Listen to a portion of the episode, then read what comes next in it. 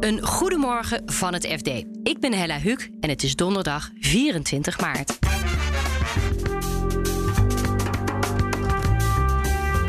De rechter heeft Shell eindelijk eens gelijk gegeven. Ze zijn niet schuldig aan de omkoping van getuigen. Dus ze, eigenlijk zijn ze terug weer af. Lege handen. We hebben een groot probleem voor komende winter. De gasbergingen zijn namelijk nog heel erg leeg. En dat heeft ertoe geleid dat, dat gasberging in Bergenmeer nog nooit zo leeg is geweest als dat het nu is.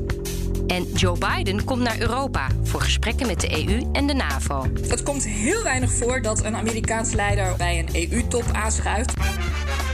Dit is de dagkoers van het FD. De plek in het zuidoosten van Nigeria was samen met Burundi wel het meest terug plek waar ik ben geweest, denk ik, in mijn, uh, in mijn leven. Het is dramatisch. Alles is vervuild. Je, ik ben er overheen gevlogen. Je ziet gewoon dingen die in de fik staan. Het is uh, gevaarlijk. Uh, mensen zijn niet per se heel aardig. Uitzichtloos. De grootste stad van Nigeria is Lagos. Het swingde, dat, dat had wel perspectief. Du moment dat je een beetje Port Harcourt, dat is dat, uh, de oliestad, verlaat... dan kom je gewoon in, in vervuiling terecht. Het is, het is ja, verschrikkelijk. Dit is Karel Grol. Hij schrijft al jaren over de activiteiten van Shell in Afrika. Voor het FD ging hij naar een zaak die tegen Shell werd aangespannen door twee weduwen. Zij beschuldigen Shell ervan dat omkopingen door het bedrijf een rol hebben gespeeld bij de executie van hun mannen. De zaak gaat over onrust in Nigeria. In 1995, 1994, dus lang geleden, was er in het oosten van Nigeria, waar Shell veel olie wint, was het heel erg onrustig. En de lokale stam daar, de Ogoni, die verzetten zich tegen de oliewinning. En het zijn rellen geweest en protesten waar doden bij zijn gevallen. En de rellen werden aangevoerd door negen mannen. En die zijn opgehangen. En de weduwe van die negen, de, Ogoni Nine worden ze genoemd, uh, waaronder een schrijver, uh, Ken Sarowiwa. Uh, maar de weduwe van een aantal van deze mannen die zeggen van... Goh, Shell heeft een rol gespeeld in hun dood. Dus daar moet Shell voor boete of een excuus voor aanbieden. In ieder geval zegt zij, Shell heeft daar een rol in gespeeld. Hele langslepende zaak. De uitspraak is dat de weduwe geen gelijk hebben gekregen. Wat betekent dat voor die twee vrouwen? Uh, zij zeggen, ja, we willen gewoon eerherstel voor onze echtgenoten. Want die zijn opgehangen alsof ze criminelen waren. En dat waren ze niet. En Shell heeft daar een rol in gespeeld. En we willen dat Shell dat erkent. Uh, nou, ze hebben dus geen erkenning, geen eerherstel. Geen... Dus, dus ze, eigenlijk zijn ze terug weer af. Lege handen. Nou kan ik me voorstellen, even vanuit het perspectief van Shell gezien... want voor deze, deze mm -hmm. twee vrouwen lijkt het heel moeilijk om deze uitspraak uh, dan te horen. Maar voor Shell, die winnen eindelijk weer zijn rechtszaak. Ze winnen de rechtszaak in Den Haag... waar ze vorig jaar keihard hadden verloren tegen uh, Milieudefensie. Ja, vanuit Shell-perspectief is het ook gunstig. Shell zegt, we betreuren het uh, dat dit gebeurd is. En dat zegt dat zij ook de recht is. Ook, ja, het, het leed nemen niet weg. Alleen, er is niet bewezen verklaard dat wat die dames zeggen, dat is omgekocht met geld wat van Shell kwam. Dat Shell actief heeft deelgenomen aan die omkoping. Voor Shell is dat een gunstige uitspraak. En zij zeggen, ja, we vinden het heel sneu, maar we hebben altijd al gezegd uh, dat wij, ons, uh, wij er niks mee te maken hebben. Er zijn nu al grote zorgen of er aankomende winter genoeg gas is. Er wordt amper gas opgeslagen.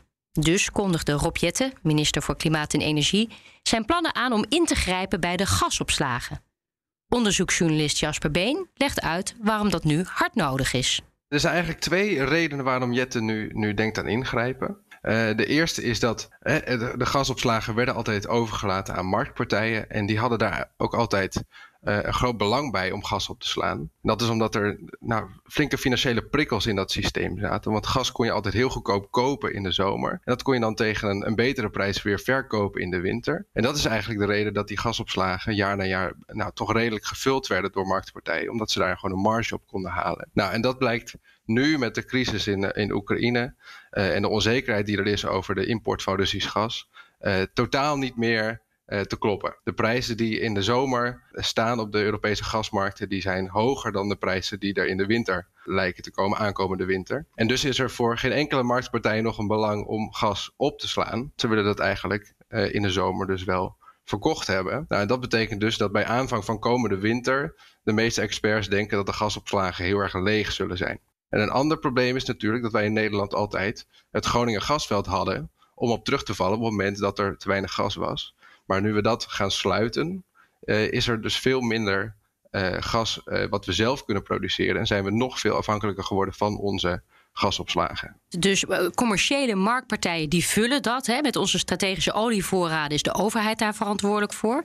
Nu wil Jette toch een beetje eigenlijk zijn, zijn voet tussen de deur krijgen. Op, op welke manieren kan Jette nou dit gaan regelen? Dat we in ieder geval een goede voorraad gas in Nederland hebben. Uh, waar normaal gesproken uh, de gasmarkt volledig geliberaliseerd is, zal Jette nu dus uh, moeten gaan ingrijpen. Er zijn grofweg drie manieren waarop je dat kan doen. het eerste idee dat komt van de Europese Commissie. Die zijn ook al wetgeving aan het voorbereiden. En dat is het simpelweg verplichten van marktpartijen, van, van eigenaren van gasbergingen, om hun gasopslagen te vullen. De Europese Commissie denkt aan 90%. Nou, dat is echt een enorme inbreuk op die, op die geliberaliseerde gasmarkt. Uh, maar Rob zelf, die heeft nog twee andere plannen bedacht. En hij heeft dus nog steeds geen keuze gemaakt. Maar die twee andere plannen die zijn minder ingrijpend in, in die werking van de markt. Um, een van die plannen is om gewoon zelf een partij aan te wijzen. Dan kun je denken aan bijvoorbeeld uh, de Gasunie of uh, EBN, dat is een Nederlandse staatsonderneming. Om zelf maar gas in te kopen en gas op te gaan slaan. En een andere die is eigenlijk het minst ingrijpend op de markt. En dat is dat je marktpartijen eh, een soort van verzekering geeft. Dat op het moment dat, dat prijzen in de zomer of in de winter inderdaad tegen lijken te vallen. Dat je hen dat prijsrisico afdekt. Dus dan verzeker je dat zij geen verlies zullen maken op, op het opslaan van gas. Nou heeft Nederland uh, vijf gasbergingen, hè? Norg, Grijpskerk, Zuidwending, Alkmaar en Bergenmeer. Die zijn dus allemaal in handen van energiebedrijven, van commerciële partijen. Nou zijn de grootste zorgen om de berging in het Bergermeer. Waarom is dat, Jasper? Ja, Bergermeer is, een heel aanzienlijke gasopslag. Een van de grootste die wij hebben in, in Nederland. Uh, en die is in handen van TACA. Dat is een bedrijf uit de Verenigde Arabische Emiraten. En daarvoor zijn nog geen afspraken gemaakt over het vullen van die gasopslag. Uh, met NAM, de eigenaar van Norg en, uh, en Grijpskerk, is dat al wel gebeurd, maar bij TACA dus nog niet. Uh, en wat daar nog extra lastig bij is, is dat uh, het Russische Gazprom een belangrijk aandeel van de capaciteit van de gasopslag heeft. Gazprom heeft toen die gasopslag open in 2009 heeft het kussengas geleverd. Dat is gas uh, wat het, het, druk in de gasopslag op peil moet houden, terwijl er de hele tijd gas in en uit gevoerd wordt. En in ruil daarvoor heeft Gazprom toen 40% van de capaciteit gekregen. En dat hebben ze tot 2045. en dat Gazprom dat heeft bijvoorbeeld afgelopen vulseizoen helemaal geen gebruik gemaakt van die capaciteit. Uh, want ja, je, je, ze hebben dat aandeel wel in handen, maar daar hoeven ze nog niet per se gebruik van te maken. En dat heeft ertoe geleid dat, dat gasberging in Bergenmeer nog nooit zo leeg is geweest als dat het nu is. En ook voor de aankomende zomer denkt Jette dat Gazprom helemaal geen gebruik gaat maken van de capaciteit. Dus dan kun je wel allemaal wetgeving maken of ideeën hebben om uh, die gasopslagen te vullen. Maar als Gazprom dat simpelweg weigert, ja, dan zit je nog steeds met een probleem. Nou hebben wij de eigenaar Taka gebeld. Van oké, okay, hoe gaan jullie hier nou mee om? Hoe ga je nou om met, die, met dat Gazprom 40% van de capaciteit heeft? En er blijkt wel een mouw aan te passen te zijn. Er zitten namelijk clausules in de contracten met Gazprom. Dat heet uh, use it or lose it clausules. Dat op het moment dat Gazprom de capaciteit niet gebruikt, ze dat alsnog kunnen uh, verkopen aan de markt. En daar zijn ze nu aan het kijken of ze op deze manier Gazprom buitenspel kunnen zetten. De Amerikaanse president Joe Biden is voor een NAVO-top en EU-vergadering naar Europa gekomen. Bij beide overleggen staat Oekraïne bovenaan de agenda. EU-correspondent Ria Katz vertelt wat de belangrijkste boodschap van Biden is.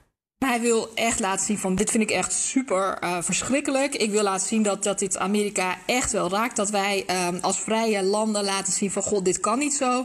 We moeten eenheid uitstralen. We moeten samen meer sancties nog doen. We moeten meer als één man zonder verdeeldheid uh, laten zien dat wij uh, dit echt niet pikken. Dat Biden aanschuift bij een EU-top. jij moet even mijn geheugen zijn, Ria. Dat is, dat is vrij uniek, toch, dat hij dat doet? Dat is heel bijzonder. Het komt heel weinig voor dat een Amerikaans leider of überhaupt een niet-Europese leider bij een EU-top aanschuift. Want uiteraard is dat alleen bedoeld voor EU-leiders, EU-leden. Obama is hier een paar jaar geleden wel geweest. Dat was toen ook al heel uniek. Um, en Biden heeft in uh, begin dit jaar is hij aangeschoven digitaal op een EU-top. Aanleiding was toen eigenlijk net als nu al Oekraïne. Er was toen weliswaar nog geen inval. Maar Biden, um, zijn inlichtingendiensten hadden al gezegd, die gaat er komen. En we moeten daar ongelooflijk hard voor waarschuwen, dat, uh, zodat wij, als het gebeurt, als NAVO meteen sancties kunnen nemen, meteen um, in actie kunnen komen en dus niet eerst nog uh, weken lopen te ruzie van wat gaan we dan doen. Dan kan ik me voorstellen, zijn doel en ook ons doel is... we moeten eenheid uitstralen. Maar Ria, we hebben toch wel andere belangen, Europa en de Verenigde Staten. Tot nu toe lukt het aardig om heel erg verenigd te zijn. Die sancties kwamen voor Europese begrippen razendsnel op tafel. Het is ook een ongekend stevig sanctiepakket. Binnen uh, vier dagen eigenlijk al het eerste en het, het blijft maar komen. Maar de belangen zijn, zoals je inderdaad al aangeeft, ook wel heel anders. Uh, China is namelijk al een hele tijd voor Amerika um, ja, toch wel een systeemrivaal. En uh, Europa is toch ook wel wat meer steeds zo geweest van ja, uh, China is ook voor ons een hele belangrijke handelspartner. We zien dat China niet alles volgens spelregels doet, veel niet. Dus daar moeten we inderdaad wat aan doen.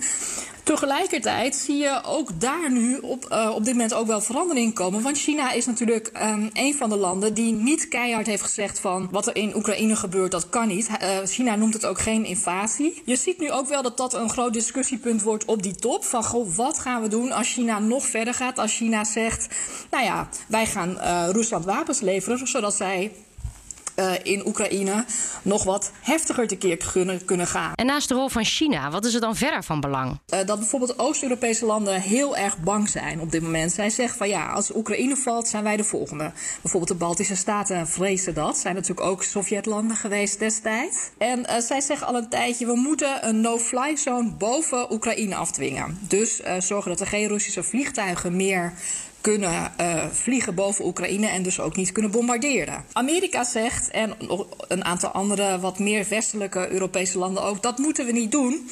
Want zo'n no-fly zone kun je eigenlijk alleen instellen als je hem ook afdwingt. Dus als je daar NAVO-vliegtuigen boven laat uh, vliegen, die dus desnoods uh, Russische vliegtuigen neerschieten als ze er toch vliegen. Dus in die zin is er al wat verdeeldheid, maar je zult toch zien dat alles eraan wordt gedaan om uh, dit soort uh, kleine basjes te voorkomen, om toch te laten zien van wij staan als één westers man, vrouw achter Oekraïne. En je moet ook niet vergeten, Amerika is natuurlijk veruit het allermachtigste land van al die uh, landen die aan tafel zitten. Dus als Amerika zegt, ja, we gaan dit niet zo doen, dan gaan we het niet zo doen.